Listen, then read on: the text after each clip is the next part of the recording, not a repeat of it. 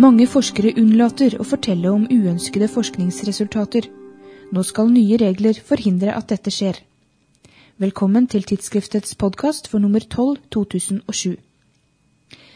Selektiv publisering av forskningsdata er et betydelig vitenskapelig problem.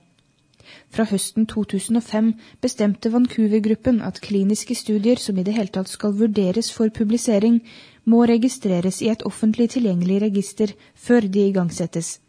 På denne måten håper man å få bukt med problemet, forteller redaktør i tidsskriftet Charlotte Haug. Eh, når man gjør en studie, klinisk studie, så er det jo for å finne ut om et eh, medisinsk tiltak, f.eks. et medikament, virker.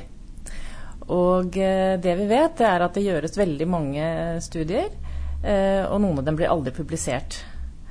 Og det problematiske med det, det er at hvis det f.eks. gjøres ti studier, og som viser ni av dem ikke noe eller dårlig effekt, og så viser den tiende effekt, og så publiserer man bare den, så kan det virke som dette medikamentet har bra effekt. ikke sant?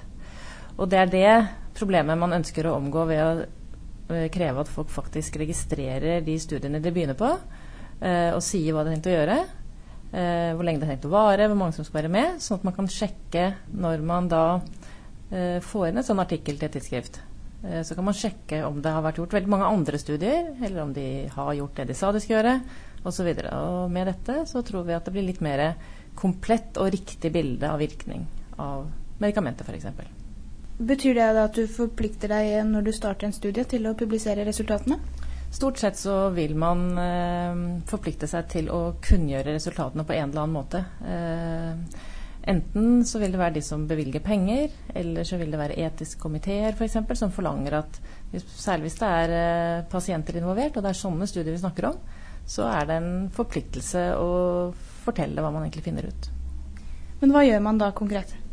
Det man helt konkret gjør, er at man går til et uh, nettsted, en sånn database, hvor man kan registrere slike studier. Uh, en uh, er en som heter clinicaltrials.gov, som ligger i USA sammen med National Library of Medicine. Den er den største og har vel kommet lengst. Det er en del andre også. Og vi har laget eget, eh, en egen bannerannonse faktisk på tidsskriftets hjemmeside, hvor man kan gå og finne konkrete opplysninger. Også i en artikkel i dette nummeret av tidsskriftet kan du lese mer om hvordan en slik registrering foregår i praksis. Martin Prøven Buksrud og hans kolleger ved Lipidklinikken var relativt tidlig ute med å registrere sine studier, og valget falt nettopp på den amerikanske clinicaltrials.gov. I ettertid har de fått mange spørsmål fra norske kolleger som lurer på hvordan de gjorde dette. Og svarene har de samlet i artikkelen 'Praktiske råd ved registrering av kliniske studier'. Det ligger en elektronisk instruksjonsmanual for registreringen på internett, men den er lite tilpassa norske forhold. Så i denne artikkelen oppsummerer vi derfor våre erfaringer, og det er meningen at man skal kunne bruke artikkelen som en slags eh, bruksanvisning eller oppskrift på hvordan man gjør registreringen i praksis. Artikkelen har en tabell som tar for seg steg for steg den informasjonen som må fylles ut ved registreringen. Det står eh, den engelske betegnelsen på det man skal fylle inn, og hvordan vi har tolket eh, innholdet. Det som er veldig viktig å huske på, det er det at alt som registreres i denne databasen, blir gjort offentlig tilgjengelig. Og da vi registrerte våre første studier våren 2005, eh, så fikk vi en storm av henvendelser fra nysgjerrige folk eh, som ønsket å fiske ut mer informasjon om våre studier. Det blir dermed en balansegang. Man må ikke avsløre for mye informasjon, samtidig som man må gi nok opplysninger til at tidsskriftet kan se at studien som er gjennomført, er den samme som den som er registrert.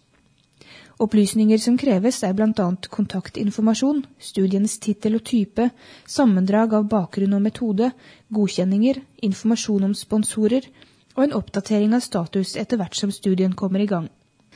Men resultatene slipper du altså å røpe, ifølge Buksrud. Han og kollegene viser gjerne frem hvordan de selv har gjort det.